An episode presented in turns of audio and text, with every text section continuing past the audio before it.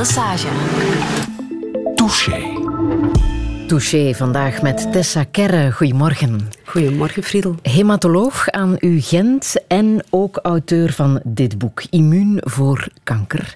Verhalen over wetenschap, mensen en uh, verbeelding, verbeelding. Het is een titel die meteen doet nadenken. Hè? Immuun voor kanker. Zullen we dat ooit zijn, denk je? Ja, dat hopen we natuurlijk. Um, maar uh, ik vrees er wel een beetje voor. Um, ja, ik heb heel lang nagedacht over die titel, heel veel gebrainstormd. Uiteindelijk is mijn man, Bruno, met de titel uh, naar voren gekomen en dacht ik, ja, dat is het. Um, het vraagteken staat er ook wel om, voor een reden natuurlijk. Hè. Um, omdat ik het wel in vraag stel. Um, het heeft niet alleen te maken puur met die immuniteit. immunotherapie zit er ook in, want dat was het oorspronkelijk idee van het boek. Een boek schrijven rond immunotherapie. Maar ja, Wat jouw specialiteit is. Ja, inderdaad. Maar ja, als je dat aan Tessa Kerre vraagt, dan wordt dat iets helemaal anders. ik denk dat ze bij Academia Press ook wel even zullen gedacht hebben, oei, wat zijn we hier aan begonnen? Um, het gaat natuurlijk dus vandaar de immuun voor kanker, de immunotherapie die het immuunsysteem gebruikt om kanker te bestrijden. Uh, maar het gaat over veel meer, ook over uh, het, het, taboe rond kanker doorbreken. Um, en, en dat probeer ik dan te doen, vooral door, door verhalen te delen en ook door ja, die verbeelding. Door ja. mensen te vragen, hoe zou je kanker verbeelden om dat wat kleiner te maken. Ja, en dat ene kleine verhaaltje ook van de naakte molrat. Blijkbaar ja, het enige diertje dat ja. effectief immuun, immuun is. is. voor kanker. Ja, inderdaad. Mm. En dat kwam na de titel, dus dat was wel zo van, allee, dat staat er nu in de krant. Tessa Gerre, schrijf je dit boek ook omdat er een schrijver in jou zit? Um, ja, ik weet niet. Ja, um, zeg maar ja. Maar, ja, ik doe het alleszins heel graag. En uh, ik was gisteren in um, een van mijn favoriete boekenwinkels, de Limerick, voor het Boekenfestival, heel kort. Ik wou er een dag van maken, maar het is niet gelukt doordat mijn zoon een uh, accidentje met de fiets heeft gehad. Uh, en toen was het weer richting ziekenhuis dat ik getrokken werd. Uh, allemaal goed gekomen hoor, don't worry. Maar het was eventjes schrikken wel. Um, maar heel vroeg in de ochtend had ik wel het genoegen om een gesprek tussen Iber en um, Jurgen Pieters te horen. En nadien was ik uh, ook uh, met hen een beetje aan het praten over inderdaad van, ja, hoe is, ja schrijven. En, en uh, ik zeg, ja, ik ben bezig aan een tweede boekje, een klein boekje, dat eind dit jaar af moet zijn. Heel spannend Aha. of dat ik het haal, maar het, het zal wel lukken. Over kunst op voorschrift. in de karaktersreeks, dus het is iets helemaal anders dan natuurlijk dan dit boek. Um, en ik heb altijd heel graag geschreven. Um, ook als, als kind al gedichten gemaakt. Ik had een poëziebundel onder de... Mijn pseudoniem was Tessa Loniki. Ah ja? Ongelooflijk uh, origineel bedacht. um, en um, ik, ik heb ook ja, het dagboek bijgehouden. Ik heb ook een blog geschreven. voordat het dan vooral over, over onze zoon ging, Henri. En ja, ik, ik merk wel, door dat boek dan, als ze mij vroegen van de uitgeverij, zie je het zitten om een boek voor breed publiek te schrijven over immunotherapie, dat mijn hart wel echt een sprongetje maakt van oh, ik krijg hier zelfs de vraag om een boek te schrijven. Dat dus ja. ze geen twee keer Ja, voilà. En, en daardoor is het ook wel meer geworden dan alleen over de wetenschap. Mm. Um, maar hoe zou jij jezelf omschrijven? Behalve bijna schrijfster en, ja. en hematoloog? Um, ja, ik ben uh, veel, zoals denk ik veel uh, mensen op de wereld. Uh, ik ben in eerste instantie ja, vrouw, partner, echtgenote, moeder, dochter, kleindochter, vriendin. Um, hematoloog, effectief, uh, onderzoeker, wetenschapper. Uh, dat zit ook wel in mij. Dat onderzoekende, dat blijft er ook in zitten. Uh, niet content zijn met wat we al weten uit de literatuur, maar zelf ook mee willen zoeken en graven. Um, en daarnaast, ja, ik, ik wil heel veel. Ik ben heel gulzig. Um, soms te gulzig, dat weet ik. Uh, maar ik ben ook, ja, ik noem mijzelf stadsboerin. Um, dus ik heb een serke in onze stadstuin waar ik uh, tomaten kweek. En mm -hmm. paprika's en pepertjes en uh, aubergines en courgettes. En, maar vooral tomaten. Tomaten is mijn grote liefde. -huh. Verschillende soorten tomaten. Dus ik, ik zit trouwens met een idee ook om een boek te schrijven over tomaten. Ik okay, ben er al dat is al het derde boek. Ja, ja, ja het, wordt, het, wordt, het wordt erger en erger. En erger. Uh, een prentenboek voor kinderen wordt dat. Ja, dat heeft maar niets volgens met mij, Volgens mij ben je ook iemand die heel erg moeilijk nee kan ja, zeggen. Zeker, ja. ja. Moet je dat um, leren? ja, en dat is heel moeilijk. Um, ja, ik, op een bepaald moment heb ik, ben ik inderdaad tegen grenzen gebotst en gemerkt van, um, terwijl dat iedereen al jaren tegen mij zei, je moet opletten en je zegt te veel ja en het is te veel en elke avond voordracht te geven en elk weekend bezig zijn ook nog met het werk en daar gaan spreken en daar gaan spreken. Um, want dat, dat is hoe dat ik ineen zit. Als iemand mij het vraagt en ik denk dan stel ik mij twee vragen. Ehm, kan ik dat doen? En is er is dat gat in mijn agenda vrij? Niet is er ruimte voor, maar is dit gat in mijn agenda vrij zonder rekening te houden met al de rest? Dan zeg ik ja. Kan ik die mens helpen? Dan zeg ik ja. Dat is heel simpel. Dat is the way I make decisions. Je hebt ook ja gezegd op mijn vraag hè, om hier te gast te zijn. Touché. Tessa Kerre, welkom. Dank Radio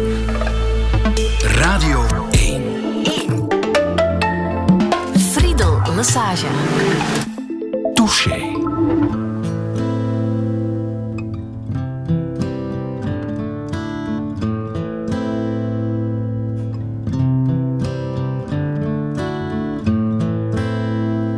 I hurt myself today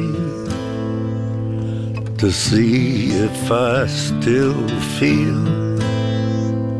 I focus on the pain. The only thing that's real.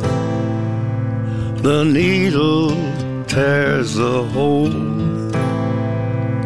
The old familiar sting. Try to kill it all away. But I remember everything. What have I become? My sweetest friend. Everyone I know goes away in the end. And you could have it all.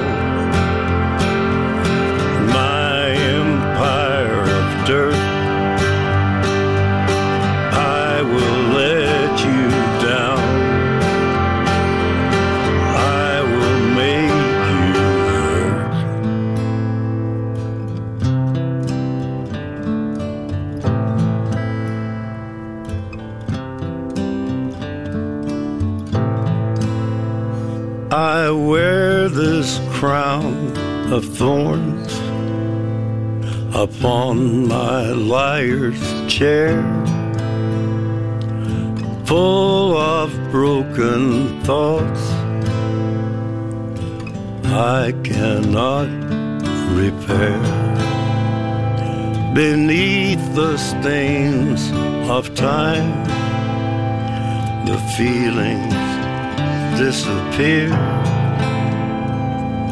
You are someone else. I am still right here. What have I become? My sweetest friend. Everyone I know goes away in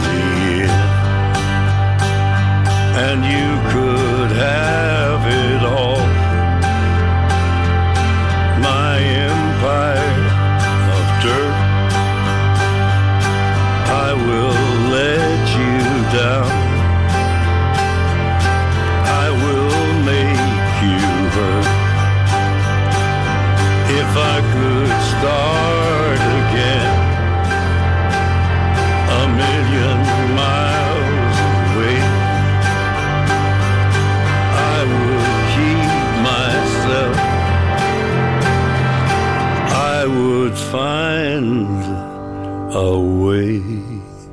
Hurt, een nummer van Nine Inch Nails, maar opnieuw opgenomen door Johnny Cash.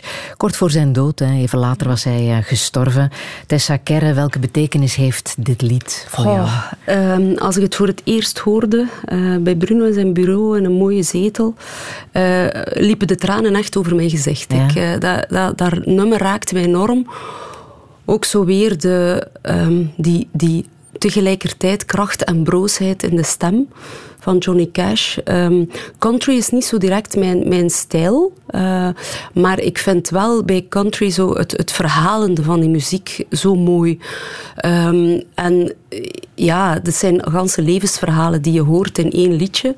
Die emoties ook, die uh, vreugde, verdriet. Uh, en ja, ik vind dat er zit zoveel in dit nummer, uh, ook in zijn stem, die, die zo broos is.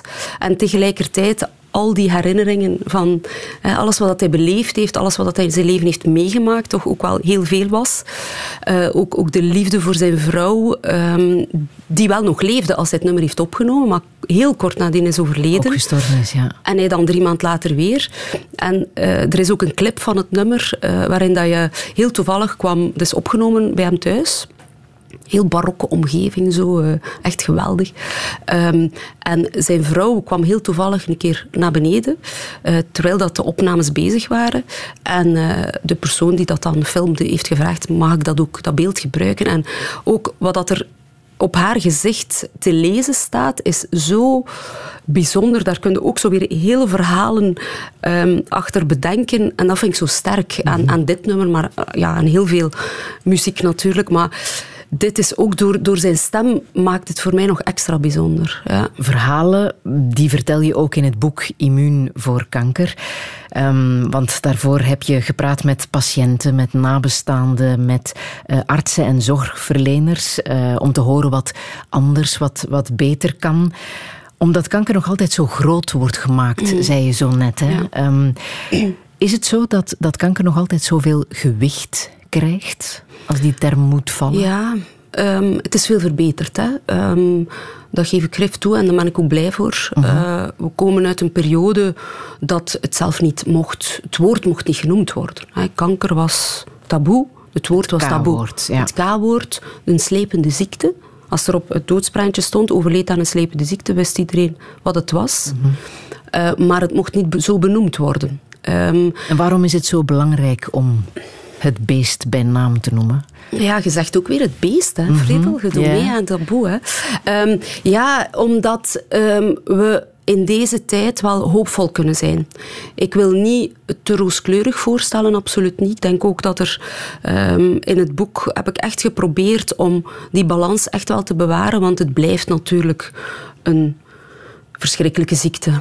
Hè, um, waar we nog altijd veel te veel mensen aan verliezen. Dat gaat je mij niet horen zeggen. Maar we hebben wel de voorbije jaren enorm veel vooruitgang gemaakt. Um, door de wetenschap, door onderzoek te doen. Uh, dankzij al die mensen die ja, zich hebben laten behandelen in een klinische studie. Niet wetende wat dat de uitkomst zou zijn. In de hoop dat het iets zou kunnen betekenen. Mm -hmm. En soms is dat het niet, maar vaak is dat het wel geweest. begint al bij de kankerdiagnose. Hè? Ja. Als je bij, als arts um, tijdens de consultatie dat moet benoemen. Ja. Hoe doe je dat het beste? Ja, ik benoem dat letterlijk. Ja. Um, ik benoem dat woord. Uh, en ik maak het soms mee dat mensen bijvoorbeeld uh, bij mij komen dat de huisarts al iets gezegd heeft tegen de dochter bijvoorbeeld. Hè. En het gaat dan over de mama. En dat die mij dan op voorhand contacteren. Ja, niet zeggen aan mijn mama dat kanker is. Hè. Want als ze dat woord hoort, dan, dan is, dat staat voor haar gelijk aan dood. Mm -hmm. Dus dat mag je niet benoemen. En dan zeg ik, één, ik ga het wel benoemen, want het staat niet gelijk aan dood. Mm -hmm. um, en dat is de eerste belangrijke element van het gesprek. Ten tweede, um, een relatie die we hier starten als patiënt-arts. Um, als we daar al beginnen met leugens te vertellen, als daar de basis van die relatie, het vertrouwen, al onmiddellijk wordt weggenomen, dan hebben we geen fundamenten meer en dan, ja. dan kunnen we daar niet op bouwen. Het lijkt mij ook belangrijk om in dat eerste gesprek ook al te pr praten over mogelijke behandelingen. Ja. Dat geeft al hoop, denk dat ik. geeft al hoop, ja. absoluut. Um, en dat is natuurlijk heel veel. En wij beseffen allemaal als arts, als we dat gesprek moeten voeren, en vaak is dat dan ja, op een brancard op spoedopname. Hè. Als wij iemand uh, hebben die binnenkomt met een acute leukemie, dat is een acute levensbedreigende ziekte, waar we zo snel mogelijk moeten starten met behandeling, dan moeten die gesprekken heel snel al gevoerd worden, voordat je ook al de finesses kent van de diagnose. Um, en dan ken je die mens ook nog niet. Dan weet je niet wat voor iemand is dat? Um, wat wil die weten? Hoe ja, staat hij in het leven? Wat is voor die persoon belangrijk? Dus dat zijn allemaal stappen die je nog moet zetten. En toch moet je dat zwaar gesprek al voeren. Um, en ik besef ook zeer goed dat bij dat eerste gesprek, dat vaak dat woord kanker dan, um, of levensbedreigend, of je moet opgenomen worden, dat zijn woorden die onmiddellijk vallen op die persoon uit een ja, vanuit een smetteloze hemel niet altijd, maar, want vaak zijn ze vaak al een tijdje ziek en is dat dan ook voor een stuk een opluchting dat er iets gevonden wordt en dat er iets echt gezien wordt en kan aan gebeuren. Um, maar die woorden die vallen zo hard dat dan vaak ook al de rest verdwijnt. Dan begint er in dat hoofd een parallel circuit te vormen van uh, kanker, dood, um, ziekenhuis, uh, mijn leven staat stil. Wat met uh, mijn kinderen, mijn job, mijn vrouw, mijn... En hoeverre maak je je daar als arts mee zorgen over? Is dat goed om, om meteen ook te weten hoe de omgeving van ja. je patiënt eruit ziet? Ja, hoe de familie eruit ziet, de werksituatie? Dat is heel belangrijk. Ja. Dat is heel belangrijk. En ik, ik benoem dat zelf ook vaak. Um, daar vraag je naar. Ja, daar mhm. vragen we naar. Omdat ik weet, dat is iets zo dat toch in dat hoofd zit. En dat ze vaak niet durven stellen, omdat ze zeggen, ja, misschien gaat hij denken, waar is hij nu mee bezig? Het gaat hier wel over, over het leven. En we, dat is nu prioriteit. Maar dat, dat is niet voor iedereen prioriteit. Um, en dat vind ik heel belangrijk om uh, de mens te leren kennen en ook door die mensen te leren kennen te beseffen Um, en te, te, te weten als arts, als zorgverlener in het algemeen, um, wat dat de beste weg is om te bewandelen. En dat weet je eigenlijk alleen maar als je ook niet alleen over de ziektes praat en de ziekte behandelt, maar de mens leert kennen en de mens behandelt. Ja, want die mensen moeten in een traject stappen, mhm. als ze willen genezen uiteraard, ehm, waar bijwerkingen aan te pas komen, wat vaak een aanslag is op het lichaam, al mhm. dan niet blijvend. Dat zijn natuurlijk ook vragen die spelen hè, bij die patiënten en waar je niet altijd een antwoord op kan op geven. Nee, heel vaak moeten we zeggen, er is heel veel dat we nu nog niet weten.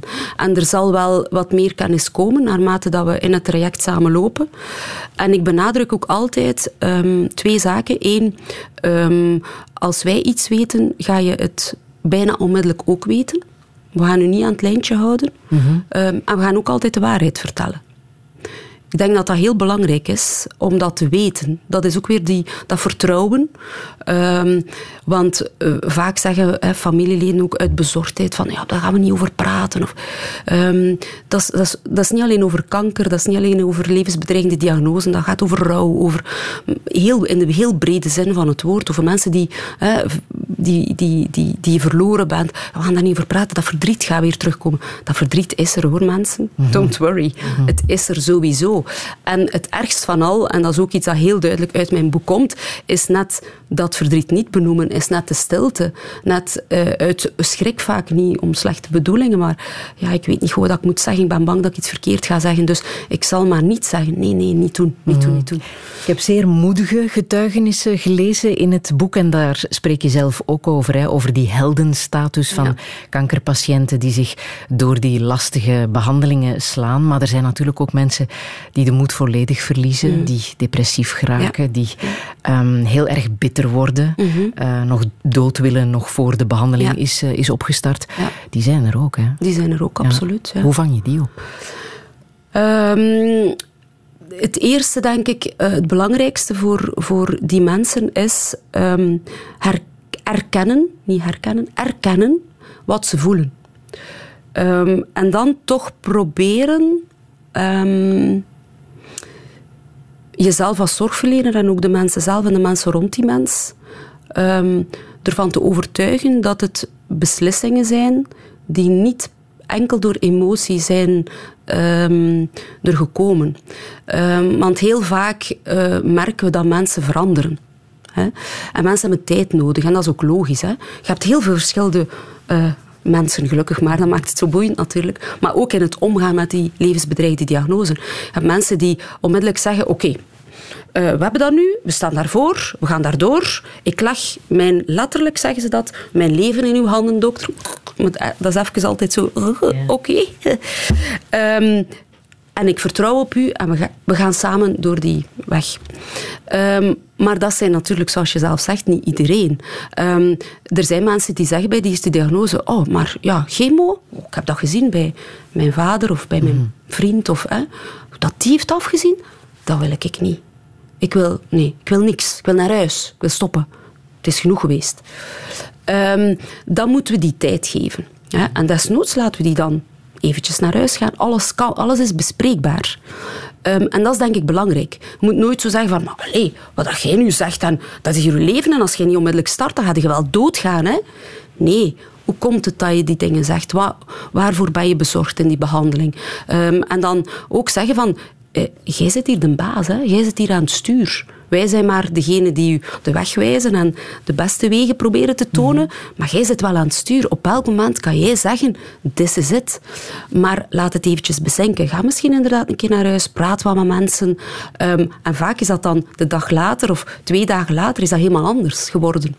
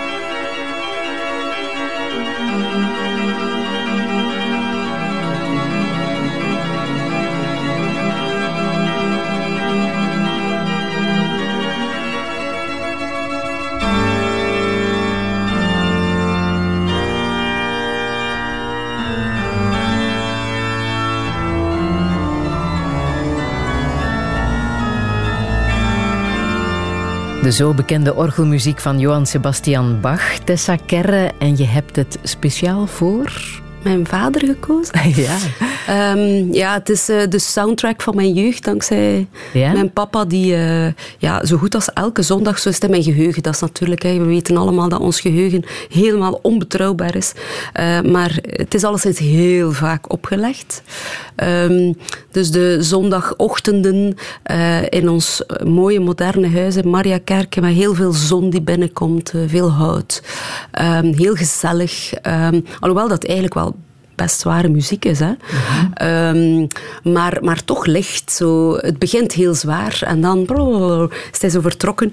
Um, was er veel muziek en kunst uh, in dat huis? Ja, absoluut. Ja? absoluut. Uh, ja, en de kunst kwam vooral van mijn mama, uh, omdat zij, zij is kunsthistorica. Um, heeft ook al gans haar leven in, in, in de kunsten gewerkt, aan de provincie Oost-Vlaanderen, directeur cultuur geweest. dus zij was degene die vooral de kunsten binnenbracht, maar mijn vader bracht Bach binnen. Um, en als ik hem dan vroeg, um, ik heb daar eigenlijk nooit bij nagedacht, dat was ja, Zondagochtend was Bach. Ja. En ondertussen soep, die, uh, de soepgeuren en de etensgeuren die het huis vulden. En uh, onze hond die aan mijn voeten lag en ik die de boeken las of mijn huiswerk deed. Um, maar uh, voor hem was Bach pure wiskunde. en dat vond ik wel mooi. Want ik heb dat wel altijd wat atypisch gevonden. Dan die, hoe komt dat, dat hij die Bach... En, want mijn vader was dan niet de grote kunstkenner. Maar wel de wiskundige. Maar wel wiskundige. En... Ehm, inderdaad heeft ja, het bekende werk Gödel, Escher, Bach uh, gedraaid daar natuurlijk voor een stuk om, om die, uh, het, de, de, wiskunde in muziek Um, en ik heb zo ook een, paar jaar geleden waren we op een, een, een op Gen Jazz uh, in, in het centrum nog, uh, in, in open lucht. Um, en het, het, was een improvisatie van jazz, echt bijna absurde improvisatie. En mijn ouders waren daar ook. Ik dacht, oei, dat gaat misschien... Hm. Mijn vader vond dat geweldig, omdat hij die wiskunde daarin zag. Ah, en die, die inderdaad, als je daar naar luistert met wiskunde in je hoofd, is het wel zo. Die, alle, al die, die harmonie, dat, is, dat zijn bijna pure wiskundige formules. Je bent enig kind. Ja. Maar een kind dat er bijna niet meer was geweest. Ja, uh, hadden mijn ouders uh, een andere keuze gemaakt? Of misschien zelfs die keuze dat ze gemaakt hadden, was er ook die kans. Um, dus ik ben uh, geboren met een, met een, um, ja, een foutje in mijn hart. Dus een, een, gaatje eigenlijk tussen twee bloedvaten die uit het hart vertrekken. Eentje naar de longen en eentje naar de rest van het lichaam. En normaal sluit dat gaatje na de geboorte. Dus de hartcirculatie, de bloedcirculatie verandert na de geboorte. Als de longen natuurlijk hè, aan de lucht worden blootgesteld en de zuurstof beginnen binnen te trekken, dan moet dat helemaal anders verlopen. Uh, en dat gaatje had zich niet gesloten. Um, en um, aanvankelijk was dat niet zo'n groot probleem. Ik was een gezond kind. Uh, maar ik begon zo in de, in de turrelas af en toe zo toch wat minder goed mee te kunnen. En het was toch een reden om een keer bij de kinderspecialist te gaan, die dan toch een geruisje op mijn hart hoorde. En dan werd dat een klein defectje, want dat was niet zo'n groot defect dat was een klein defect. Maar um, het zorgde wel voor een overbelasting van mijn rechterhart, doordat altijd die lekkage van links naar rechts kwam. Dus dat rechterhart ging groter en groter worden. En als daar niets aan zou gebeuren, zou op een bepaald moment die dat gaatje en die richting van die bloedstroom omkeren. En zou eigenlijk zuurstofarm uh, bloed bij zuurstofrijk bloed komen. Zou ook blauwe lipjes krijgen. Zou ook ja, echt wel niet meer gezond zijn. Zou mijn hart ook heel verdikt zijn en niet meer goed werken. En zou ook waarschijnlijk maar rond de 35 jaar oud geworden zijn. Dus dat was eigenlijk het verhaal dat mijn ouders te, kregen, uh, te horen kregen. En de beslissing dan moesten maken van gaan we voor een operatie die in die tijd toch wel een, een ernstige operatie was. Dus ik heb een heel groot litteken, uh, bijna de helft van mijn borstkas. Um, het was echt, ja, het hart werd opengelegd en dan werd daar uh, ja, met, met hechtingen het gaatje mm. gedicht. Um, nu is dat heel een kleine ingreep. Gaat dat maar met een, niet. Ja, toen niet. Ja. Toen is dat maar, nu is dat maar een klein ballonnetje dat langs de lies via een katheter wordt geplaatst boem, en het gaatje is dicht. Um, maar toen was dat echt een hele ernstige operatie met ook reële kans op complicaties. Um, er zijn er ook zo geweest, dus ik heb ook op intensieve zorgen gelegen. Het is ook eventjes kantje boord geweest. Dus dat was een moeilijke keuze geweest? Dat was een moeilijke keuze, ja. Voor je ouders? Ja, zeker. En ik heb dat nooit beseft uh, hoe moeilijk dat die keuze was tot als ik zelf 35 werd. En je hebt dat verhaal dan natuurlijk wel gehoord, maar dan is dat wel een symbolische leeftijd natuurlijk. Want ja. hadden ze die andere keuze gemaakt, dan was dat zo'n beetje het einde geweest en waarschijnlijk niet ook een kwaliteitsvol leven. Um, dus ik heb toen, als we een feestje hadden voor mijn verjaardag, wel uh, een extra toast uitgebracht. Hè. En dat was zo wel mijn kwinkslag, want ja, ik had natuurlijk die emotionele keuze niet moeten maken en al die miserie niet... Ja, ik herinner mij nog heel veel van die tijd, maar niet op die manier. En uh, ik, ik zeg dus, allez, en santé vooral, en dank mama en papa dat je toen die keuze hebt gemaakt, want dankzij hè, jullie keuze zit ik hier nu nog. En uh, ja, het werd een zeer emotionele toast natuurlijk, want mijn grootouders en mijn ouders, ja, dat kwam allemaal terug en dat was zeer emotioneel.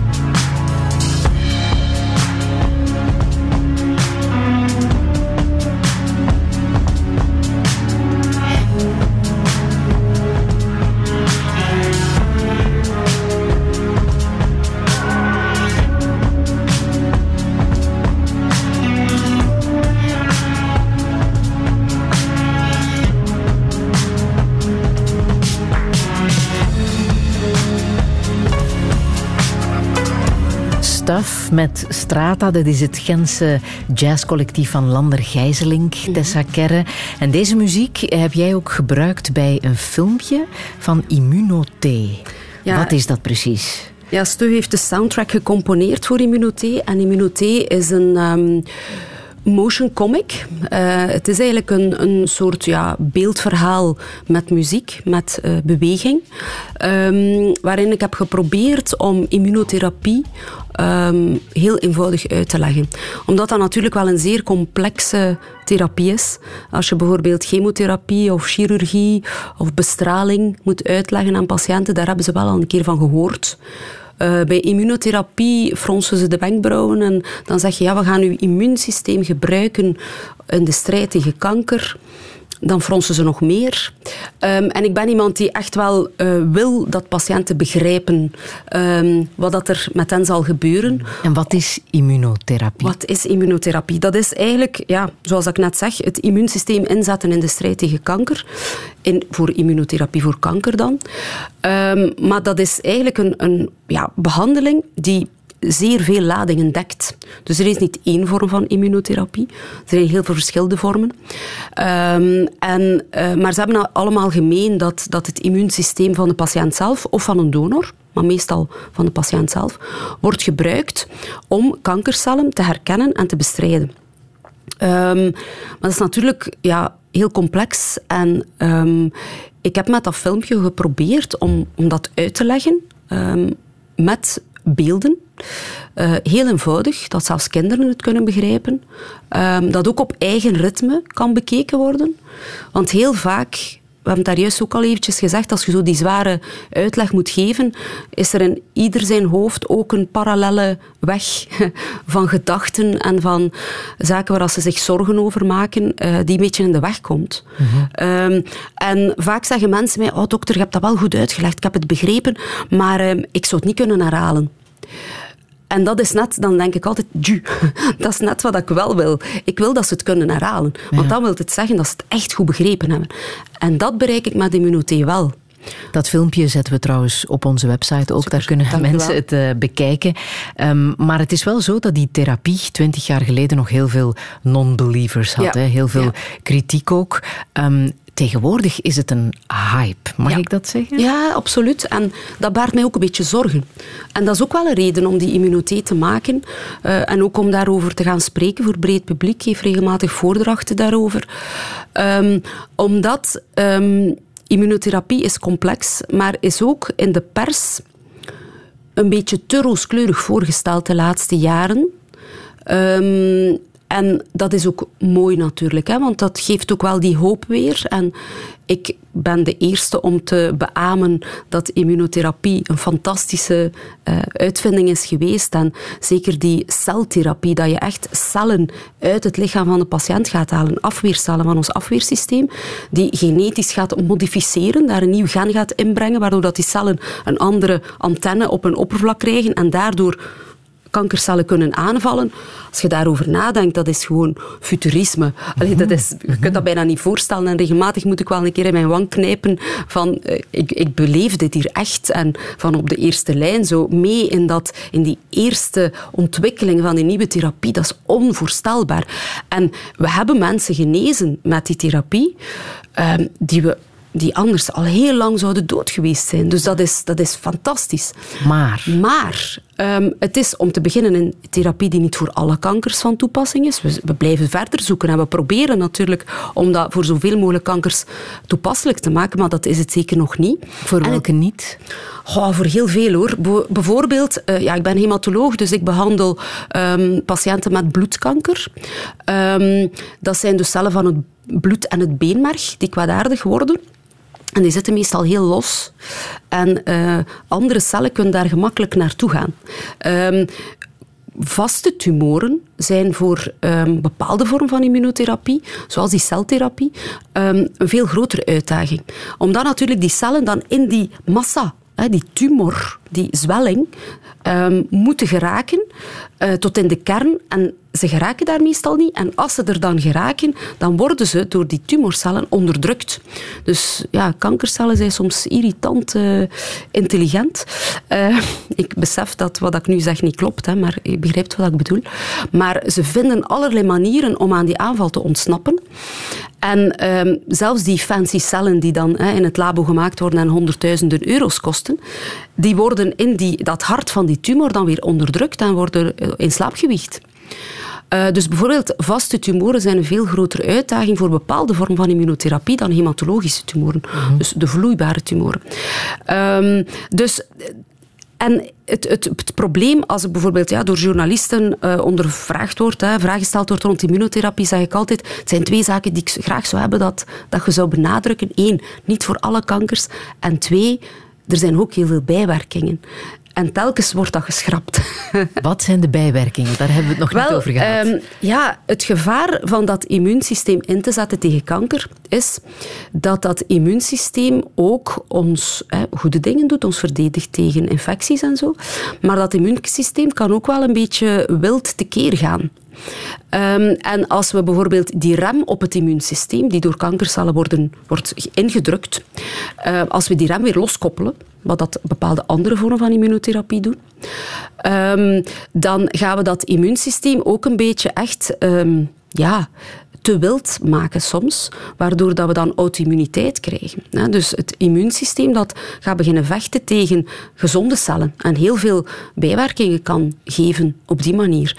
Dus we gaan doordat we natuurlijk spelen met de natuur en echt gaan ingrijpen echt aan de kern van onze cellen in ons genetisch materiaal, gaan we natuurlijk ook wel de ingebouwde beschermingssystemen daar ook wel mee gaan foefelen. Hè? En kunnen we zo ook grote problemen veroorzaken.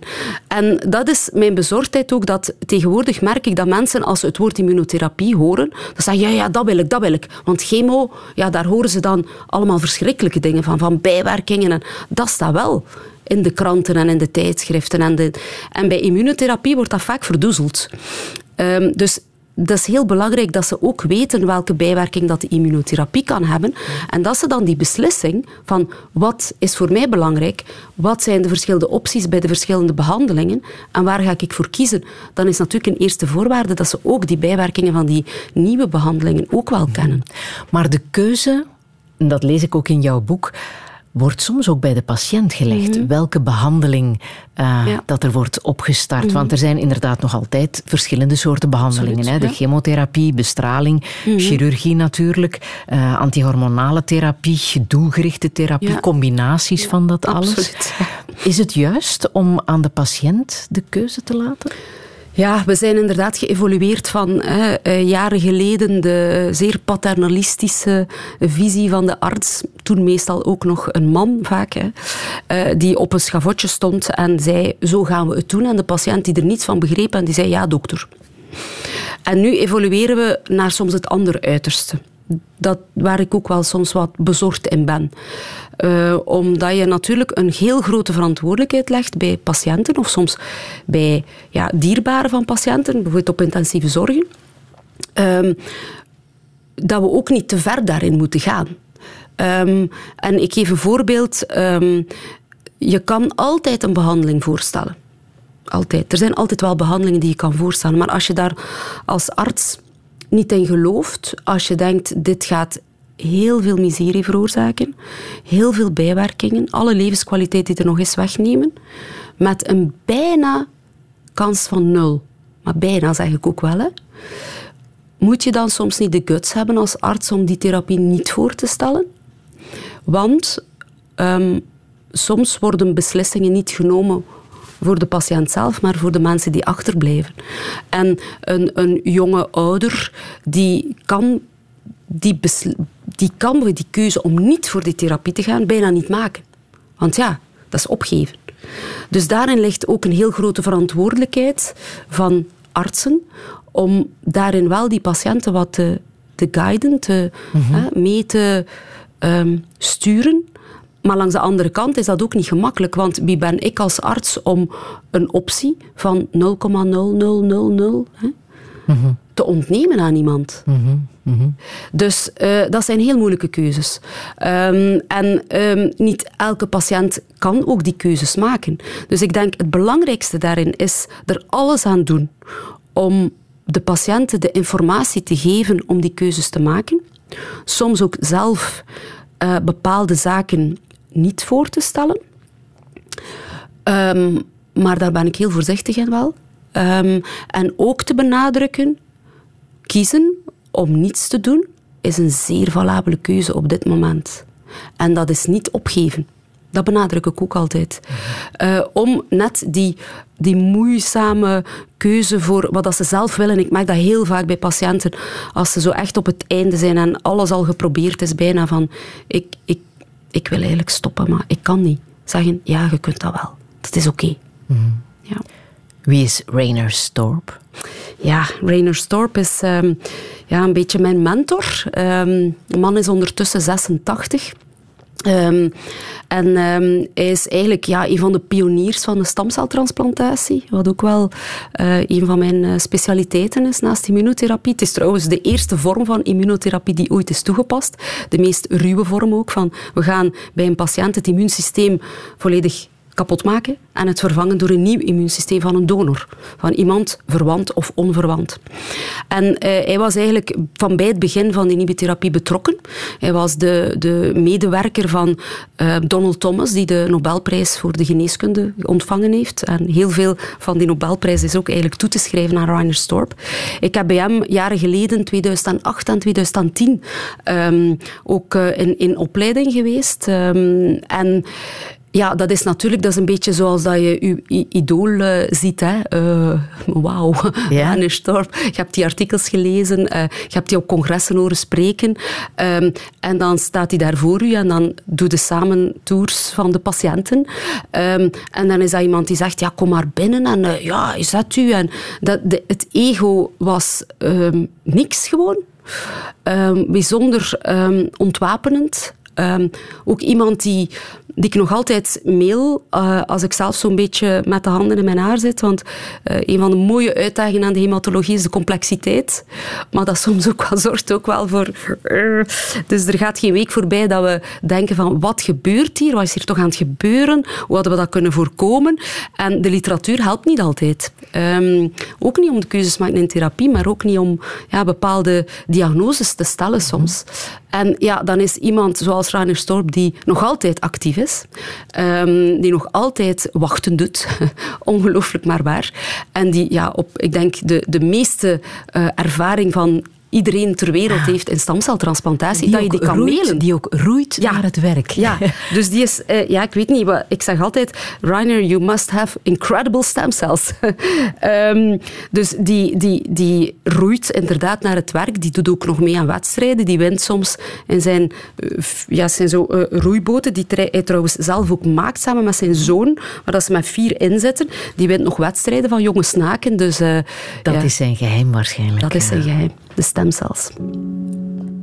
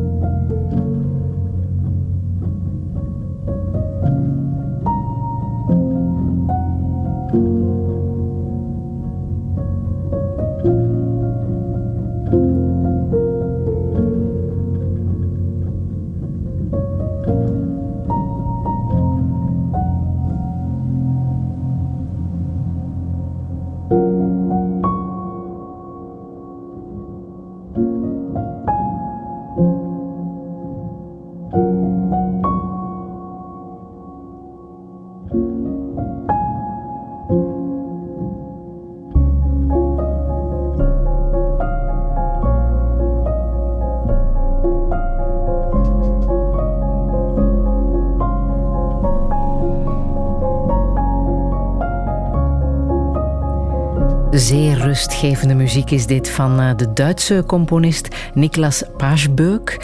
Um, gecomponeerd op een late zomeravond in Brighton bij een uh, warme zomerbries, naar het schijnt. Tessa Kerre, heeft het effect op jou, dit soort ja, absoluut. muziek? Ik, uh, muziek kan zoveel doen met een mens. Hè. En hier word ik heel rustig van. de naam is ook Duvet, dus een dekentje. En ja, het is echt gelijk een dekentje dat je rond u wikkelt en dat je helemaal tot rust brengt. Dekentjes, daar ben je wel gevoelig voor. Ja.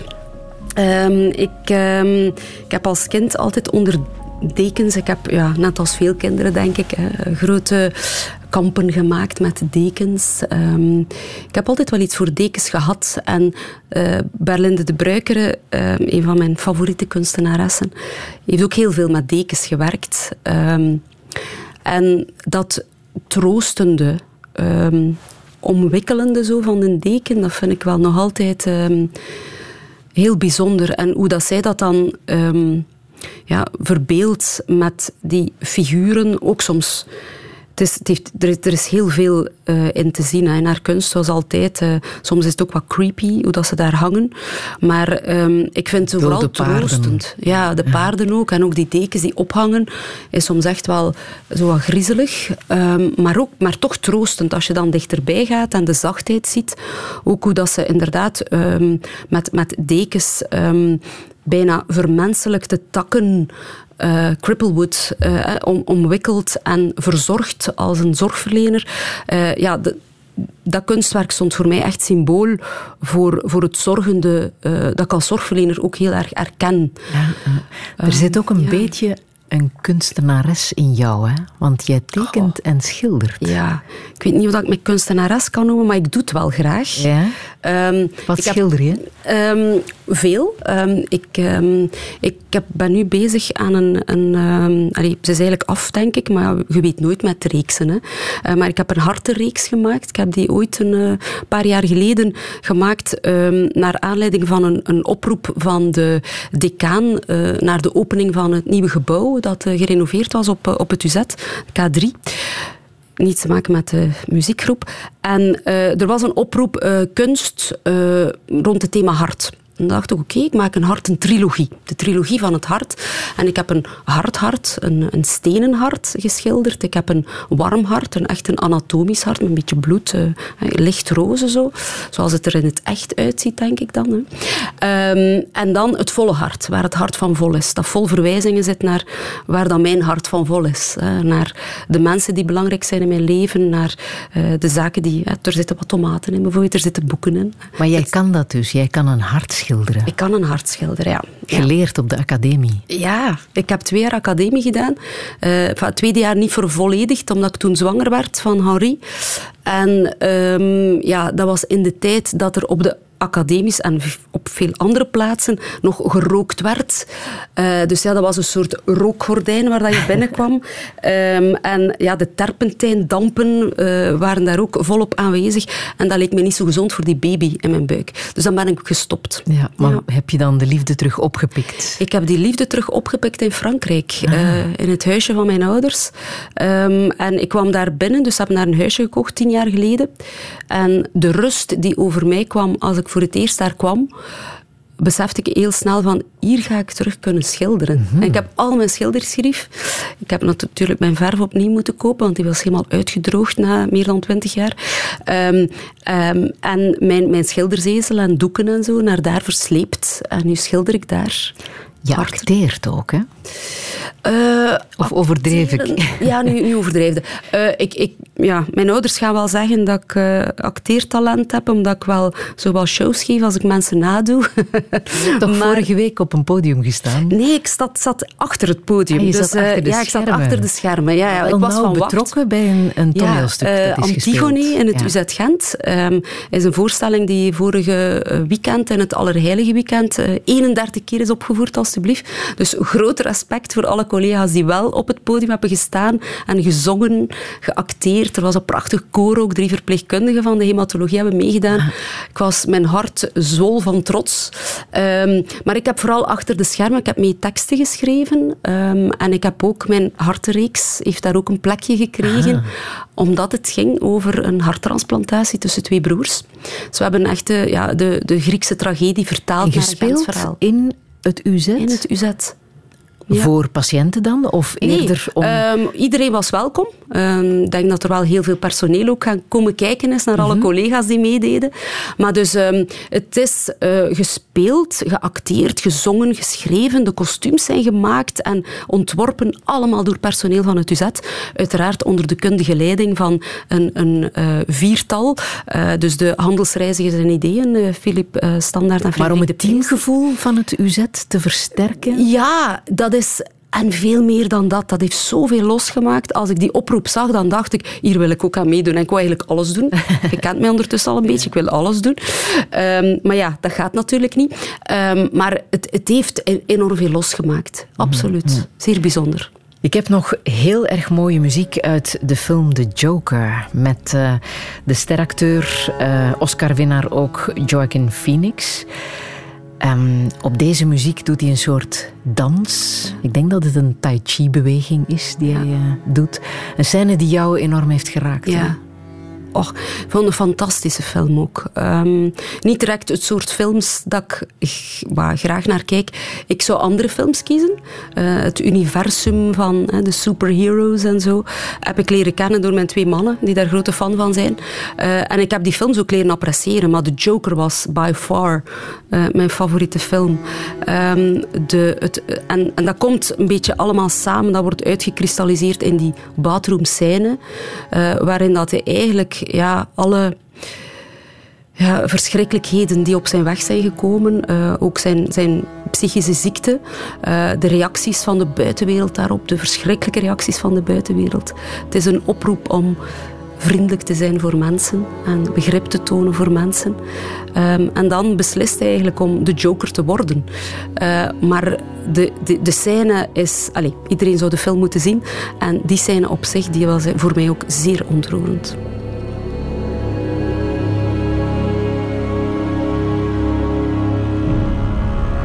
Prachtige muziek uit The Joker, een filmtip van Tessa Kerra. Radio 1. 1. Friedel Lassage. Touché. Touché met Tessa Kerre, hematologe aan de UGent. Haar zwakke hart zorgde ervoor dat ze van geneeskunde haar levenswerk heeft gemaakt. Immunotherapie werd haar specialiteit. Maar onderweg liet ze haar grote liefde voor kunst nooit los. Theater, beeldende kunst, literatuur, zelfs tomaten kweken. Alles kan helpen om gezond door het leven te gaan. Maar hoe moet het verder? Doet lezen genezen? Wat is de helende kracht van de liefde? En gaat ze ooit met pensioen? Dit is Touché met Tessa Kerra. Een goede sonó la trompeta estuvo todo preparado en la tierra y Jehová repartió el mundo a Coca-Cola Inc. Anaconda, Ford Motors y otras entidades, och våra sändningar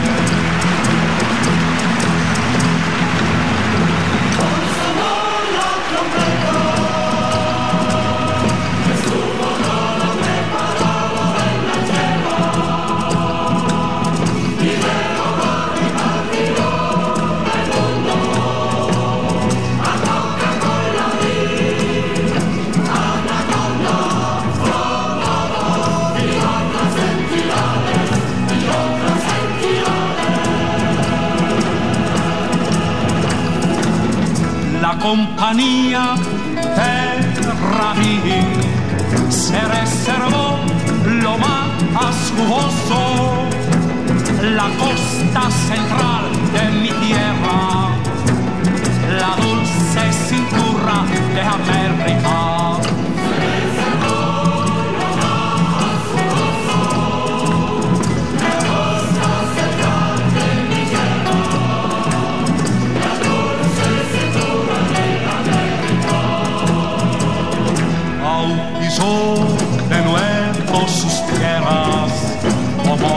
súplicas aladas sobre los muertos dormidos, sobre los héroes y viejos que conquistaron la grandeza, la libertad y las banderas, estableció la ópera.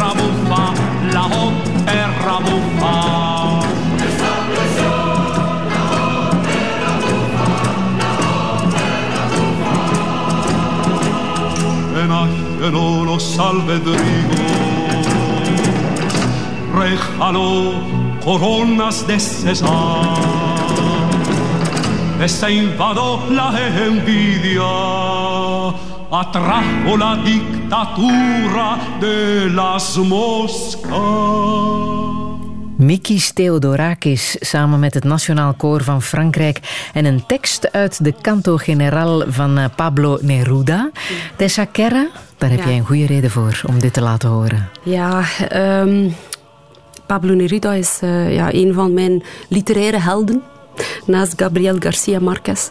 Ehm, ik heb hem ook als eh, ja, jonge, jong meisje eh, leren kennen eh, in het middelbaar van een paar ja, leerkrachten die zeer inspirerend waren, prachtige leestips gaven. Ik ging die ook altijd sprokkelen natuurlijk, actief.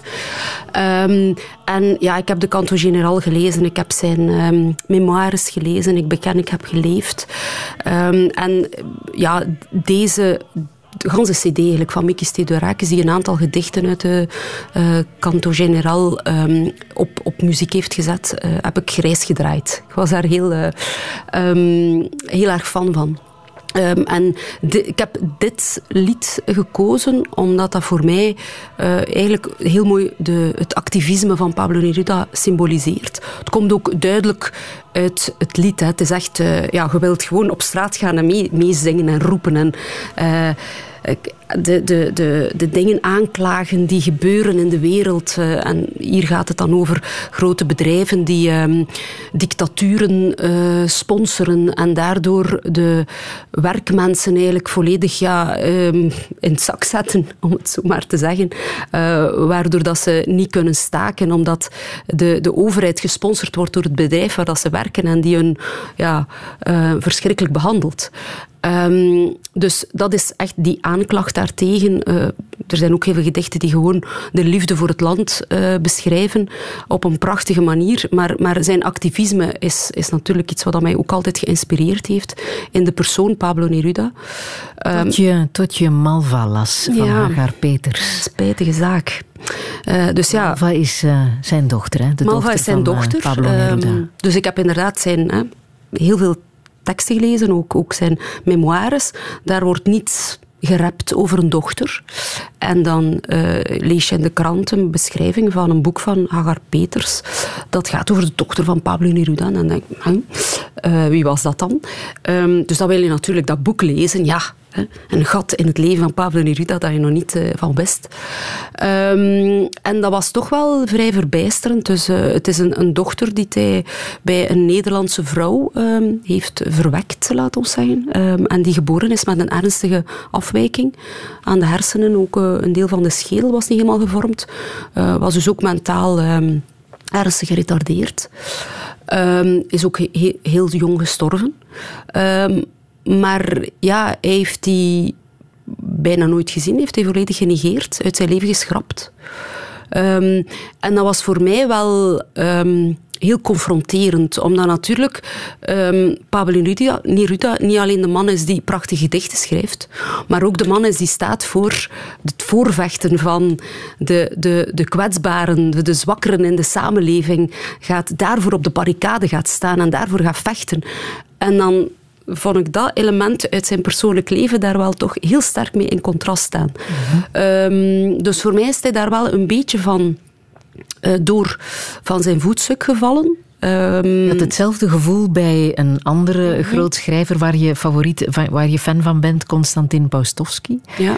Ehm, een beetje hetzelfde verhaal. Een beetje hetzelfde verhaal, misschien minder, minder uitgesproken. Dus ik heb Postovski ook ehm, zijn, zijn memoires gelezen, die echt fantastisch zijn.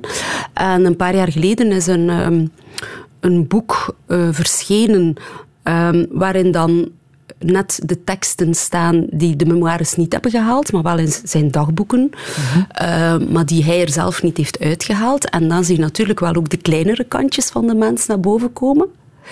Um, en ja, langs de kant is dat wel van, ah, dat had ik nu, in u niet gezien. Um, en daar gaat het dan over ja, bedrog in relaties en zo. En een paar minnaressen erop nahouden. Uh, dus, maar langs de andere kant, ja, mensen zijn, zijn mensen. Hè. En ook de, de grote helden van ons allemaal zijn ook maar mensen. Dus uiteindelijk kunnen we dat wel plaatsen, maar toch is dat, CD10 hebben, hebben ze toch een haakje gekregen dat ze ervoor niet hadden, waar dat ik mij soms aan schuur. Je hebt uh, Goudzand open liggen van ja. Paustowski. En je wil daar een paar lijnen uit voorlezen. Ja, een heel, heel kort uh, stukje. Ik raad iedereen aan om het te lezen. Het is niet gemakkelijk, het is een heel groot boek, maar heel veel teksten die soms zwaar zijn, maar er staan zoveel pareltjes in. Maar dit kleine stukje dus. Voor een schrijver is het geheugen bijna alles. Het opgespaarde materiaal ligt er niet alleen maar opgeslagen.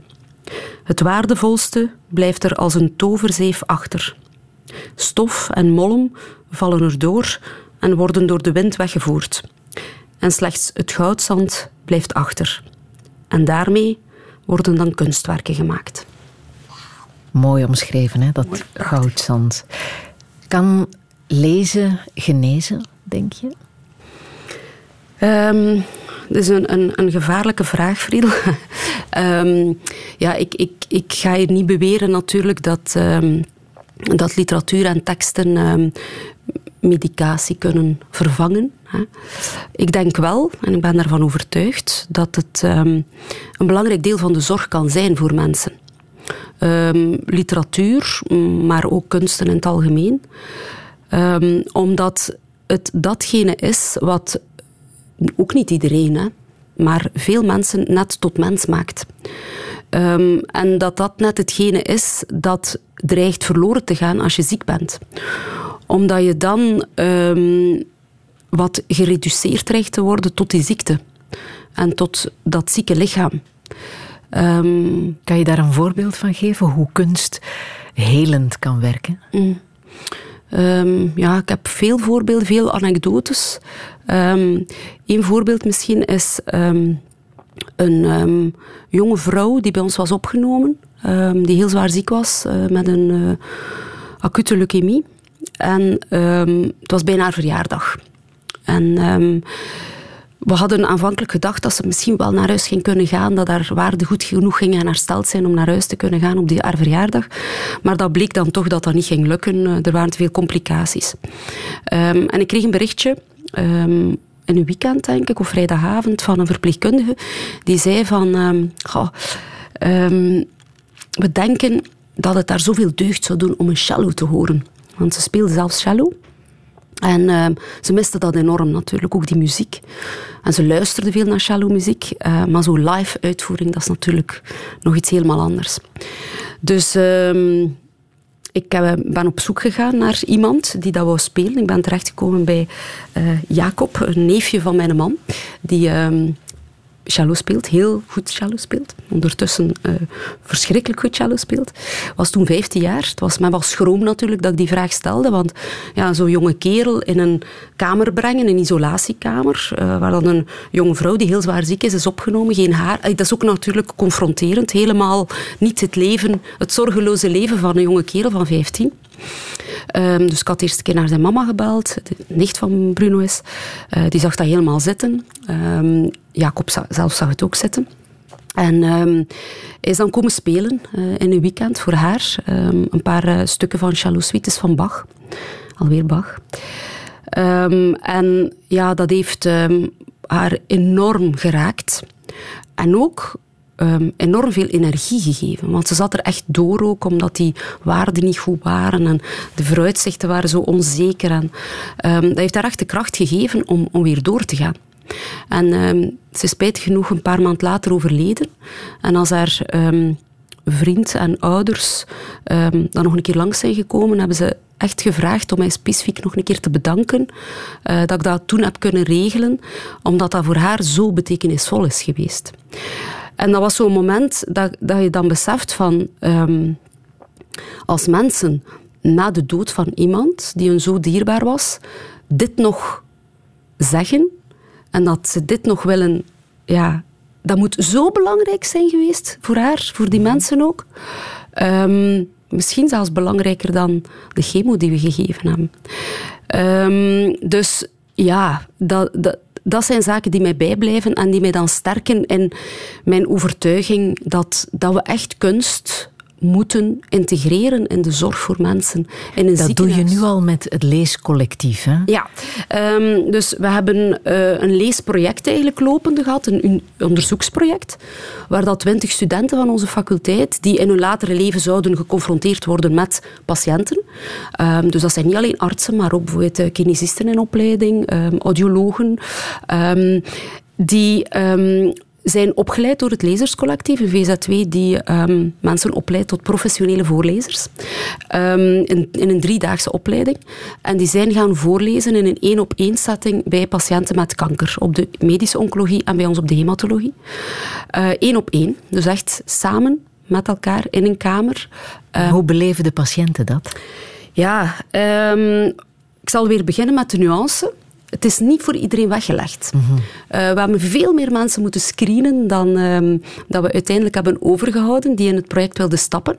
Want die één op één is natuurlijk ook wat bedreigend. Hè. Er komt iemand die je niet kent in uw kamer. En dat is uw wereld geworden. Hè. Dus patiënten zijn bij ons wekenlang opgenomen. Um, dat klein kamertje is een wereld geworden. En wat dat daar binnenkomt, dat hebben ze wel normaal gezien onder controle. Behalve dan de medische wereld, maar die kennen ze ook ondertussen wel een beetje. Um, en dan komt daar iemand nieuw binnen, die ze niet kennen, een student jonge mensen. Er waren ook patiënten die zeiden, ja, die, jong, die jongeren van tegenwoordig, en die gaan hier dan een keer voorlezen. Hè. Of voorlezen. Ik lees zelf wel. Hè. Ik heb ik dat niet nodig. Dat was dan wel precies weer alsof dat ze gereduceerd waren door iemand die niet kon lezen. Ja, maar nee, dat is niet de bedoeling. Um, dus het is niet voor iedereen weggelegd. Er zijn ook een paar patiënten die afgehaakt hebben, omdat ze zeiden, het is echt niet voor mij. Ik kan mij daar gelijk niet in vinden. Um, want het is niet alleen voorlezen. Het is ook eventjes pauzeren en reflecteren over die tekst en herinneringen bovenhalen die die tekst losmaakt, die de, de voorlezer vaak totaal niet had ingeschat. Uh, maar de diepte die voor de mensen die het wel hebben gedaan en hebben volgehouden en de volledige procedure hebben doorlopen, dat klinkt nu zo verschrikkelijk, maar het was zeer pijnloos, um, was, was echt wonderbaarlijk. Ook de, het contact en de band die je maakt door literatuur, door samen te lezen, uh, daar stond ik echt van te kijken. Heel bijzonder.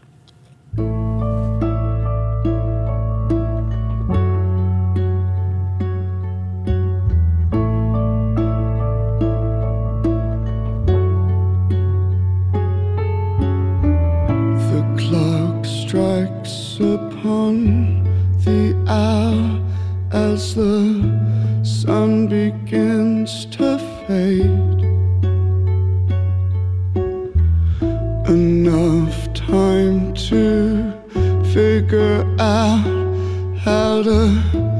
chase my blues away. I've done alright up until now. It's the light of day that shows me how.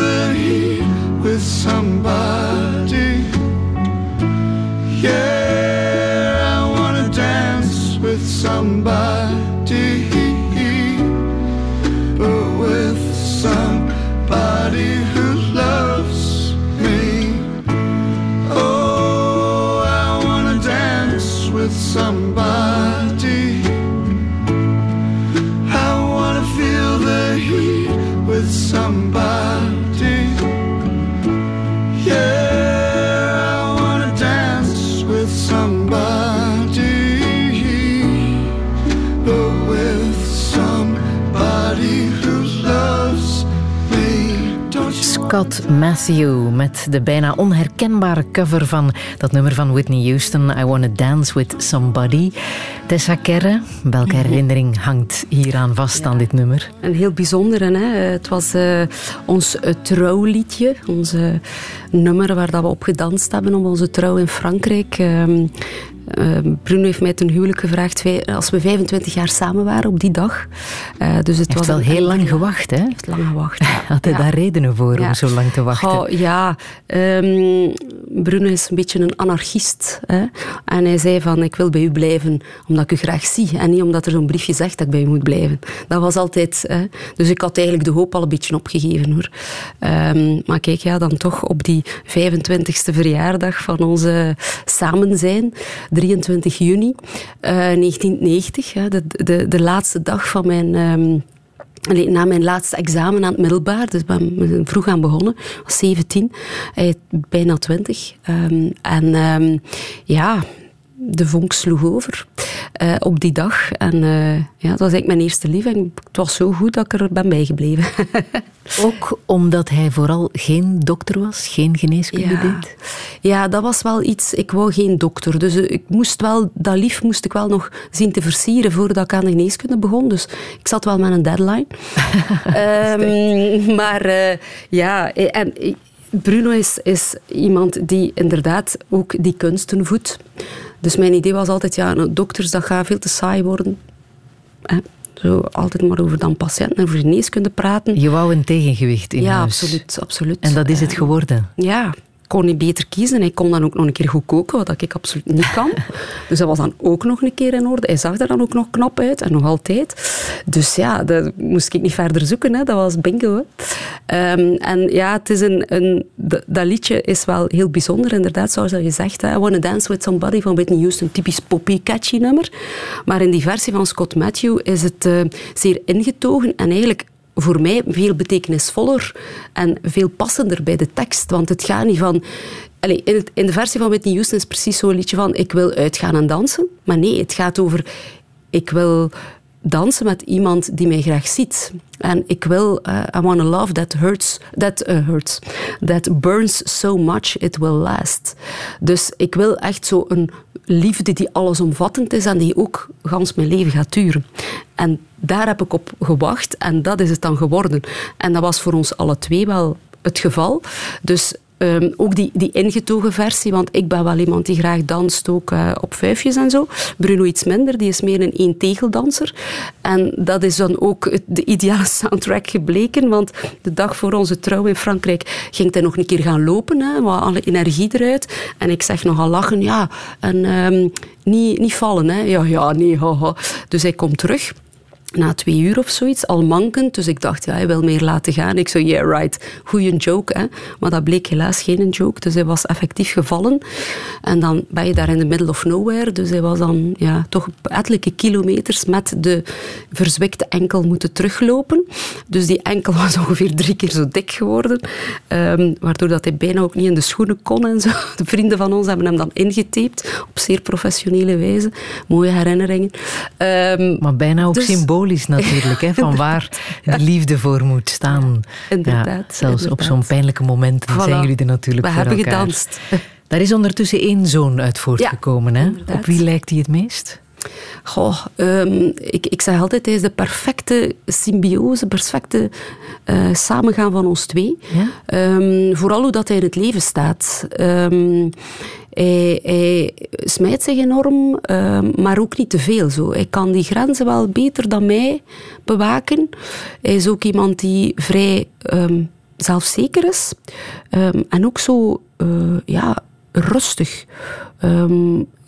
De, de rust die hij heeft, dat hebben wij alle twee niet ander soort onrust, denk ik.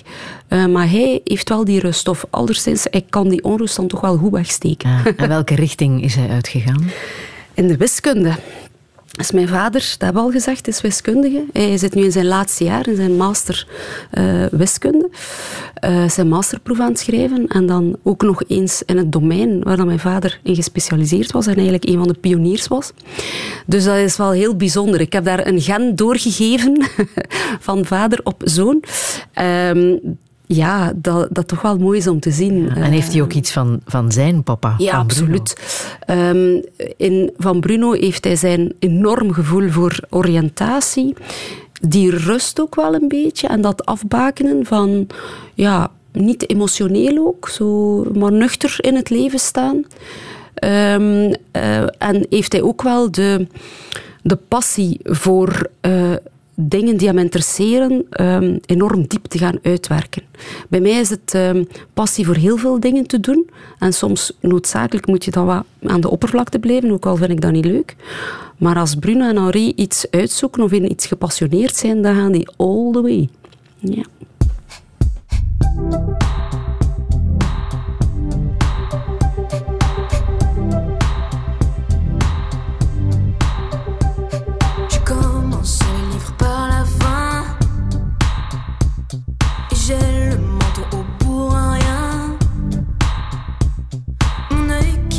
À cause du vent. Mes absences, c'est du sentiment. Je ne tiens pas debout, le ciel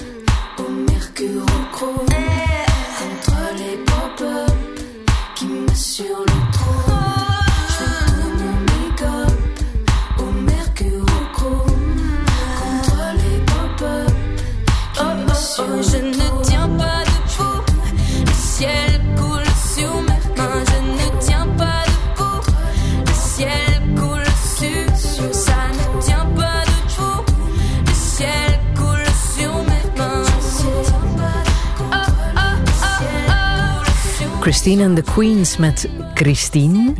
Tessa Kerre, het is een nummer dat we mm, vrolijk zitten mee te zingen in de studio, maar eigenlijk is de tekst helemaal niet zo vrolijk. Nee, nee. Het gaat over ehm, ja, imperfecties, over eh, mensen die ja, zich niet gedragen zoals men zich hoort te gedragen. Hè. Ehm, het is denk ik ook iets dat in de actualiteit heel veel aanwezig is momenteel, eh, die daar niet altijd voor aanvaard worden. Ehm, met, met um, onbegrip te, te, maken hebben. Um, maar het gaat dan over het omarmen van die imperfecties. Um, en ik denk dat dat een van de moeilijkste zaken is als je als mens dan bepaalde kenmerken hebt of bepaalde dingen anders beleeft dan, dan de hoegmeente vindt dat je hoort te doen. dat een van de moeilijkste zaken is het zelf dan te aanvaarden. Ehm, en dat vind ik zo mooi inderdaad aan, aan haar muziek. Ehm, want ja, die aanvaarding, en dat zit ook verweven in wie dat ze is. Ze is ook op zoek naar uh, haar genderidentiteit bijvoorbeeld. Hè. Ehm, hier noemde ze Christine and the Queens. Tegenwoordig is Chris. Ziet ze er maar mannelijker uit, maar soms is ze ook heel vrouwelijk weer. En ze, ze is heel fluïde voilà, mm in, in haar beleving van haar uh, gender. en die queens, dat zijn drag queens die haar op een bepaald moment, uh, waar als ze mee uitging, als ze heel diep zat en die uh, haar zeiden van, um, ja, doe zijt gewoon wie dat je zijt en wie dat je wilt zijn. En um, trek je gewoon iets aan van wat dat anderen zeggen. Dat is natuurlijk vaak gemakkelijker gezegd dan -hmm. gedaan. Um, en voor haar was dan ook heel belangrijk om dan dat... Ze wou dat echt in een heel poppy jasje gieten, maar dan die moeilijke tekst erbij. En ook dan in een liedje waar je moet bij zingen en dansen. En mij doet dat ook altijd denken aan uh, ja, onze jongeren dan, die bij ons in behandeling zijn voor kanker, die op, op jonge leeftijd geconfronteerd worden met iets waar je niet hoort mee geconfronteerd te worden, hè, met de eindigheid van, mogelijke eindigheid van je leven, met ook afzien en, en, en, en stress, ook er helemaal anders gaan uitzien, wat op die leeftijd ook ja, heel stuk van de identiteit mm -hmm. is. Hè. Um, en we hebben zo, uh, jaarlijks wordt er um, door Kom op tegen kanker met heel veel zorgverleners die dag in dag uit in de praktijk staan. Zo'n jongerenvakantie georganiseerd aan de zee. Dat was uh, ja, twee weken geleden, denk ik. Um, en dan komt die zorgeloosheid van die, van die jongeren zo weer naar boven, omdat ze daar ook onder mensen zijn die hetzelfde hebben meegemaakt. En je merkt wel daar ook dat dat... Ja, ik vind lotgenoten een, een, een lelijk woord. Ik zoek nog altijd naar een beter alternatief. Ik had dat ook ooit een keer gezegd op mijn boekvoorstelling en kreeg dan een mailtje nadien van iemand die zei kankervriend. Dat is een mogelijke optie. Ik vond het wel mooi. Um, dus je bent daar onder mensen bij wie dat je niet moet zeggen ja, of moet uitleggen waarom dat ik geen haar heb of waarom dat ik zo vlekken heb in mijn gezicht of waarom dat ik uh, niet mee kan op die uitstap want ik ben te moe of waarom dat ik zo bleek ben.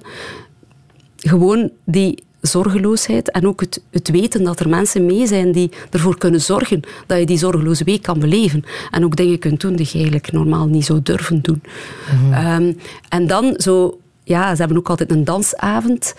Um, dat is zo de sfeer die daar naar boven komt. Zo van, ik heb van alles meegemaakt en toch kan ik zo gewoon genieten van een keer godverdomme goed dansen op een liedje. Ja. Um, en dat zien we ook dan weer elk jaar gebeuren. Hè? En dat is zo mooi. Ja. We hopen voor alle kankerpatiënten dat uh, ze genezen en dat ze opnieuw het leven kunnen oppikken. Maar de oude word je nooit meer. Hè? Nee. Daar wordt misschien ook te weinig bij stilgestaan. Ja, ik denk dat wel. Um, ik denk dat bijvoorbeeld het hebben van kanker um, op meer begrip kan rekenen dan bepaalde andere ziekten. Waar dat veel minder over gekend is. Waar er ook vaak een taboe rondheerst of zo'n gevoel van, je hebt dat zelf gezocht. Hè. Zoals dat we in de begintijd van HIV gezien hebben. Um, dus kanker heeft wel, kan wel op veel begrip rekenen. Schrijf dat ook in mijn boek. Op een bepaald moment, ik heb zo het gevoel dat kankerpatiënten dan een soort heldenstatus wordt aangemeten. Um, meer dan andere ziekten die even levensbedreigend zijn, maar dat de behandeling ook heel zwaar zijn. Dus ik weet niet juist waar dat vandaan komt. Maar wat ik wel ook zie, is dat dat begrip dan wel verdwijnt eens dat de mensen er weer goed uitzien. Mm. Dus je bent toch genezen? Ja, je bent ja. toch genezen. En is het dan misschien dat zichtbare, dat je haar uitvalt, dat je zo bleek uitziet, dat dat begrip verhoogt? Misschien, ik weet het niet. Um, maar net als dat haar dan weer teruggroeit groeit, en, de blos komt weer op de wangen, dan verwacht iedereen, ah, maar nu moet je terug je leven heropnemen. Ja. En ga je niet gaan werken weer terug. En waarom moet jij nog zo vroeg naar huis? Uh, je bent toch weer goed en je bent toch niet meer in behandeling. En waar kampen ex-kankerpatiënten het meeste mee? Met zoveel. Hè. Um, chemobrain. Um, dus dat is een van de zwaarste zaken. Een soort ruis in het hoofd, een soort waas in het hoofd, waardoor dat concentreren moeilijker wordt, dat ze niet zo goed kunnen onthouden als vroeger, uh, waardoor dat inderdaad uh, niet alleen in het dagelijkse leven, maar ook in het professionele leven, dat vaak echt een handicap wordt, hè, dat je dingen moet opschrijven en zijn patiënten die dezelfde job opnieuw kunnen doen, maar er zijn heel veel patiënten dat dat niet lukt. Ook lichamelijk. Hè. Ik zeg altijd, um, door die behandeling hebben we eigenlijk zo op de forward-knop geduwd. Zo heel snel. Sorry voor de infrastructuur die ik er eventjes een klop gaf. Um, gaat uw leven eigenlijk... Uw lichaam is jaren ouder geworden, terwijl dat we eigenlijk maar een jaar verder zijn. We hebben nu meer versleten. En dat voelen die mensen natuurlijk ook. Hè. Ehm, en, maar dat zie je niet. En als iets niet zichtbaar is, dat is toch heel vaak zo, is er veel minder begrip voor. En dat wil ik hier toch wel ook, ja, toch wel voor willen pleiten om het begrip, nadat de mensen er weer goed uitzien, toch ook wel voor ehm, willen eh, pleiten dat dat er is. Helaas zijn er ook nog altijd mensen die niet genezen, ehm, waarvan jullie als artsen weten, we zijn uitbehandeld, hier eindigt het. Wanneer beslis je om, om dat onderwerp op tafel te leggen? Vanaf wanneer komt de dood ter sprake? Goh, vaak al heel vroeg. Soms zelfs bij, bij de diagnose al. Dat we zeggen, als we niet binnenkort starten met een behandeling, ga je dood van deze ziekte. Omdat dat gewoon zo is. Ehm, en ik, ik denk ook dat we ehm, niet te lang mogen wachten om ook begrippen zoals palliatieve zorg, ehm, zoals de dood, moeten bespreken. Zowel in de zorgrelatie, als dat is ook een optie om voor die weg te kiezen. Ehm, en die, de, man, de, de tijdstip waarop dat die weg gekozen wordt, kan verschillen van persoon tot persoon, maar die denkt ik dezelfde ziekteverloop. Dat is weer die mens die je moet leren kennen. Ehm, maar ehm, het is ook veel bespreekbaarder op het moment dat het probleem zich nog niet onmiddellijk stelt. En het is ook belangrijk om met uw dierbaren te spreken over de dood, over wil ik bepaalde dingen. Er zijn mensen die zeggen, ja, wat kan mij dat schelen, die dienst? Dat is aan jullie, dat is voor jullie. Jullie kiezen wat daar gebeurt of eh, besproken wordt of gespeeld wordt. Maar anderen, ik heb patiënten die in detail het scenario van een afscheidsceremonie hebben uitgeschreven, tot zelfs wie er aanwezig mocht zijn en niet. Ehm, en ehm, soms worden er ook tussen patiënten en dierbaren, partners, eh, kinderen, familie, bepaalde dingen niet besproken, omdat ze dan denken dat dat te veel pijn gaat doen. Maar eigenlijk zitten ze alle twee met dezelfde bekommernissen, met dezelfde bezorgdheden. Willen ze dat heel graag bespreken, maar denken ze, oh ja, dat gaat te veel pijn doen. En ze gaan, bespreek dat toch gewoon. En eigenlijk is het zo dat die zwaarte, het wordt altijd maar zwaarder en zwaarder naarmate dat het echt zover is. Ehm, dus het is niet slecht. Het is gemakkelijker gezegd dan gedaan, ook weer hoor. Maar het is wel goed om daar ehm, al over te spreken op het moment dat het nog niet concreet aan de orde is, of misschien zelfs nooit aan de orde zal komen. Ook omdat het voor de patiënt zelf en voor de mensen rond de patiënt wel een soort rust geeft. Dat heb ik echt wel gemerkt. Maar tegelijkertijd willen mensen, ook al weten ze dat het eh, ongeneeslijk is, willen ze hoop. Ja. Wat doe je daarmee? Als er toch nog plannen worden gemaakt. Ja. Ik ga over twee jaar toch nog een wereldreis Ja, maken. ja, ja. Als arts weet je, dat kan niet Dat meer. kan niet, ja. En dan denkt je, oei, heb ik dat precies niet goed ge- gezegd of uitgelegd? Eh, vroeger had ik dat eh, heel sterk, omdat door mijn opleiding, door wat ik ook gezien had soms bij andere artsen, de goede en de slechte voorbeelden, ehm, dat je zegt, eh, ik maak voor mezelf uit dat ik altijd de waarheid zal zeggen. Want dat is dat vertrouwen weer. En dat is ook, mensen hebben de waarheid nodig. Moeten weten waar ze staan om te kunnen nog bepaalde beslissingen nemen aan bepaalde dingen dat ze nog willen doen in het leven of willen zeggen aan mensen. Ze moeten dat weten. En als je dan iets goed hebt uitgelegd en gezegd, dit is eindig en het zal niet meer zo lang duren, en dan de dag nadien komt er iemand met die plannen voor een wereldreis, dan als jonge hematoloog of hematoloog in opleiding, was dat dan onmiddellijk mijn reflex van oei, die heeft het precies niet goed begrepen, ik zal het nog een keer uitleggen. Maar die had dat natuurlijk wel goed begrepen. Ehm, dus daarin ben ik wel geëvolueerd. Ehm, en die personen die dan inderdaad die hoop nodig hebben om eh, ja, nog toekomstplannen te maken, terwijl dat ze heel goed beseffen dat dat nooit zal gebeuren, dat ze dat nodig hebben om natuurlijk nog ook door die weg te gaan die er nog wel ligt voor hen en die ook niet altijd gemakkelijk is en, of zal zijn daar moet je ook respecteren. En het, hoe dat ik het nu zie, is ik geef gewoon heel duidelijk uitleg. Ik toets ook af dat ze het begrepen hebben. En als ze daarna dan met die nog hoopvolle, niet zo realistische verhalen komen, dan ga ik natuurlijk niet zeggen, ja, dat gaat tof zijn en ik ga er niet in meegaan. Dat vind ik dan weer te vergaand. Uh, want dan ga je in conflict met wat je zelf gezegd hebt en met de waarheid ook. Maar ik ga ze wel laten uitspreken. Mm Het gebeurt ook vaker en vaker dat nabestaanden of zelfs al de patiënt die weet dat het niet meer goed komt, uh, dat er een fonds wordt opgericht mm of een VZW voor een of ander doel. Ja. Goed idee? Ja, uh, ik, ik heb uh, ongelooflijk mooie projecten zien ontstaan um, na het overlijden van, van mensen omdat dat een soort verbondenheid Ja, een, het is een manier voor sommige mensen, niet voor iedereen. Maar het is een manier voor sommige mensen om dat groot verdriet uh, om te zetten in iets waar ze ook hun energie in kwijt kunnen. Mm, dat de ook dood soms, niet voor niets is geweest. Ja, ook mm. de dromen van iemand die er niet meer is. Uh, ik denk bijvoorbeeld aan VZ2 Super Niels, die opgericht is een jaar, ongeveer een goed jaar na het overlijden van Niels, um, die bij ons patiënt was. En dat is heel toevallig gekomen via Immunoté eigenlijk. Dat ik hen daarvoor geïnspireerd heb. Omdat er waren veel mensen die zeiden in Immunoté, die afweercellen, dat zien er superhelden uit. En Niels zat, was heel veel bezig met jonge mensen, met kinderen die ziek waren. Hij wou ook zo um, ja, iemand worden die zo ook op, op kampen en zo de kinderen entertainde en zo. En uh, hij, heeft zijn spaargeld gegeven aan de dienst. Um, en hij zei van, ik zou graag hebben dat jullie iets doen voor kinderen met kanker. En iets rond superhelden. Gelijk die chemo die dan geel en groen en rood ziet. Ja, dat is creepy, hè? dat is zo'n gif dat je nu loopt. Maar als je daar dan een superheld aan hangt, ja, dan wordt dat plots superhero-vloeistof.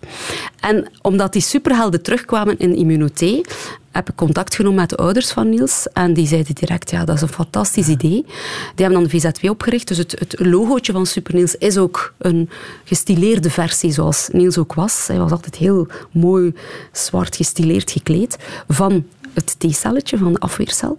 Um, en zij doen prachtige dingen. Vorige week nog zijn ze bij ons langs geweest op de afdeling uh, voor uh, bij patiëntjes, uh, kinderen op de pediatrische hemato-oncologie, dus kinderen met kanker, ja. die daar zijn opgenomen.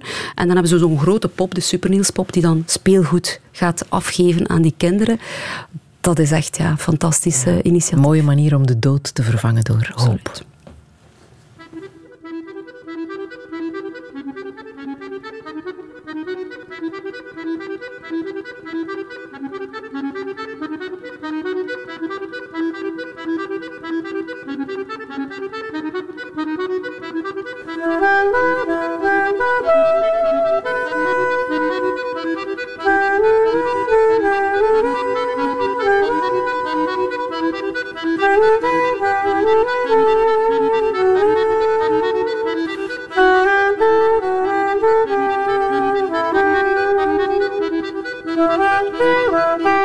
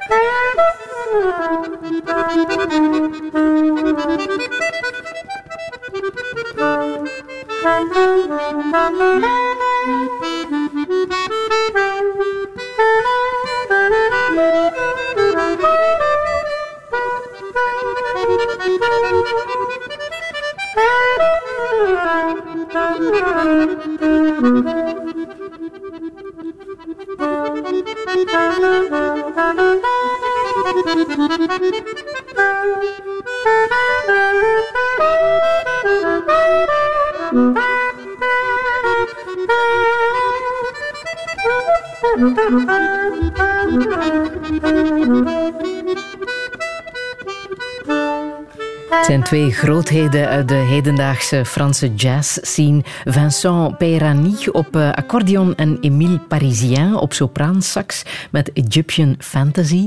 Tessa Kerre, maar jij kent al- alles van jazz natuurlijk. Ja, ik ben getrouwd met een jazzmens. Ehm, en hij bracht mij de liefde voor jazz bij. Want eh, ik moet zeggen, dat was nooit echt muziek waar ik veel naar las. En jazz is natuurlijk zo divers, eh, dat is onvoorstelbaar. Bijvoorbeeld dit lied is eigenlijk, of dit stuk, het is een, een jazzstandard.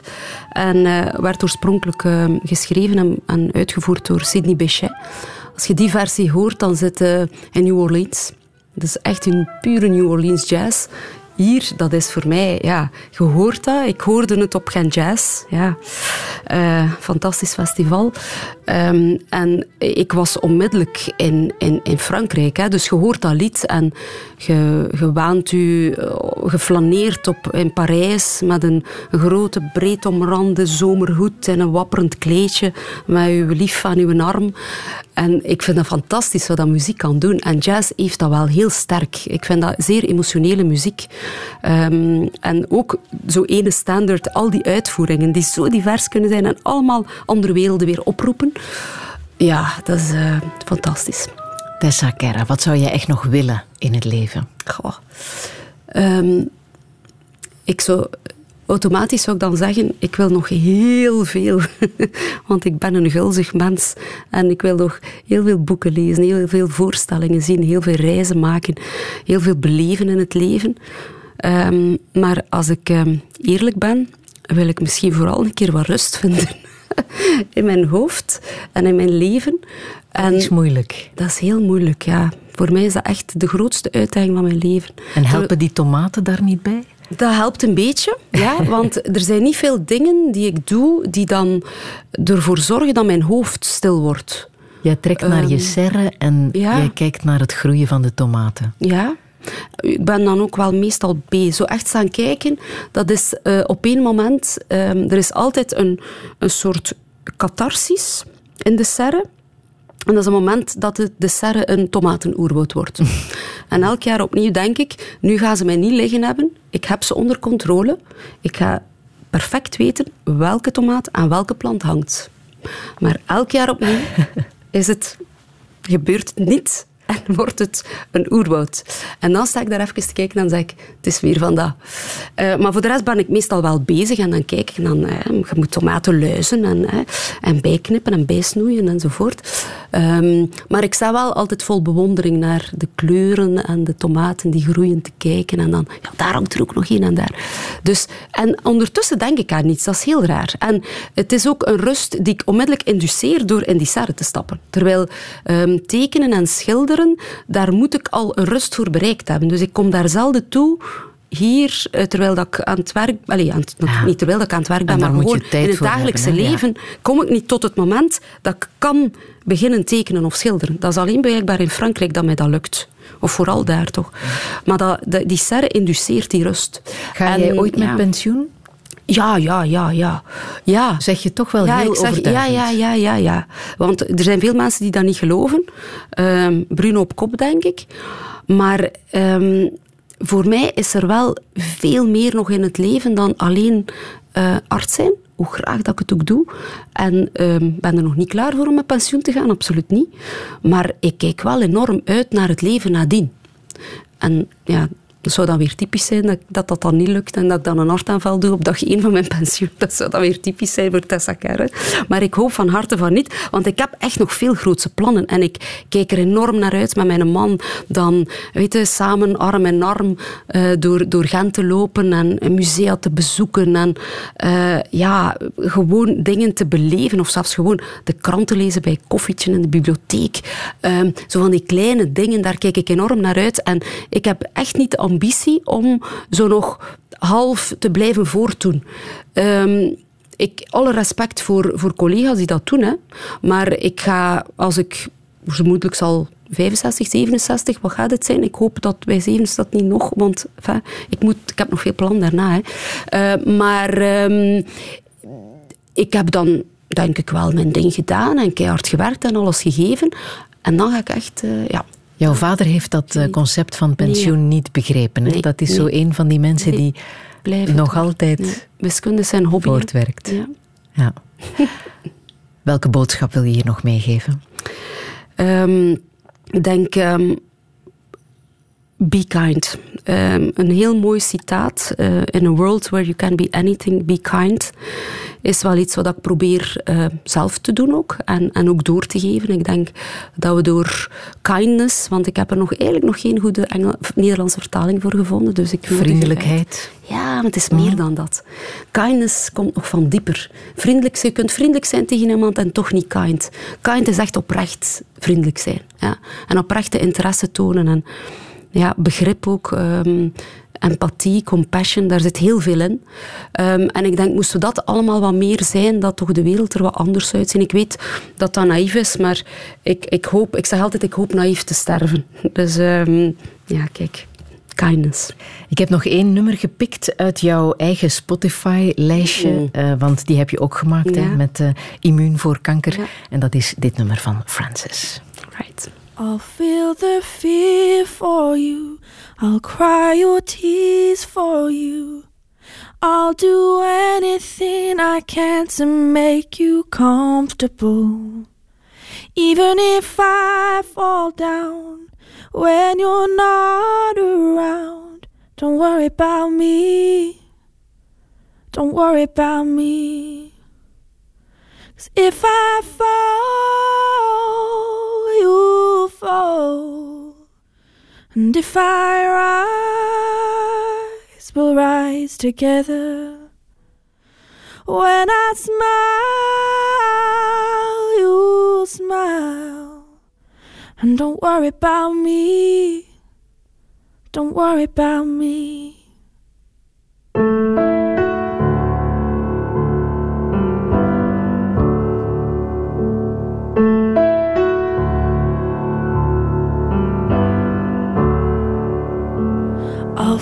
Feel the fear for you. I'll cry your tears for you. I'll do anything I can to make you comfortable. Even if I fall down when you're not around, don't worry about me. Don't worry about me. I'll climb the hills you face. I'll do this in your place. I'd do anything to go through it instead of you.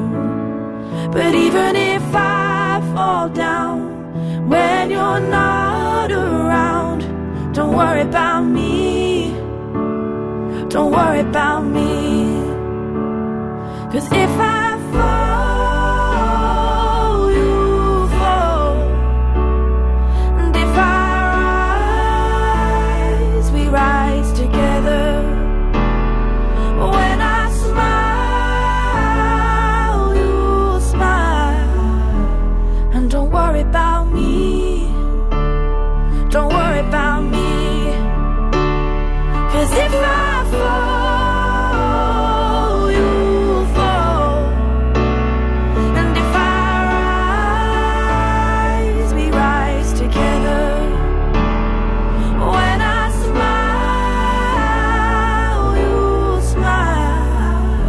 Francis en Don't Worry About Me kan het nog betekenisvoller.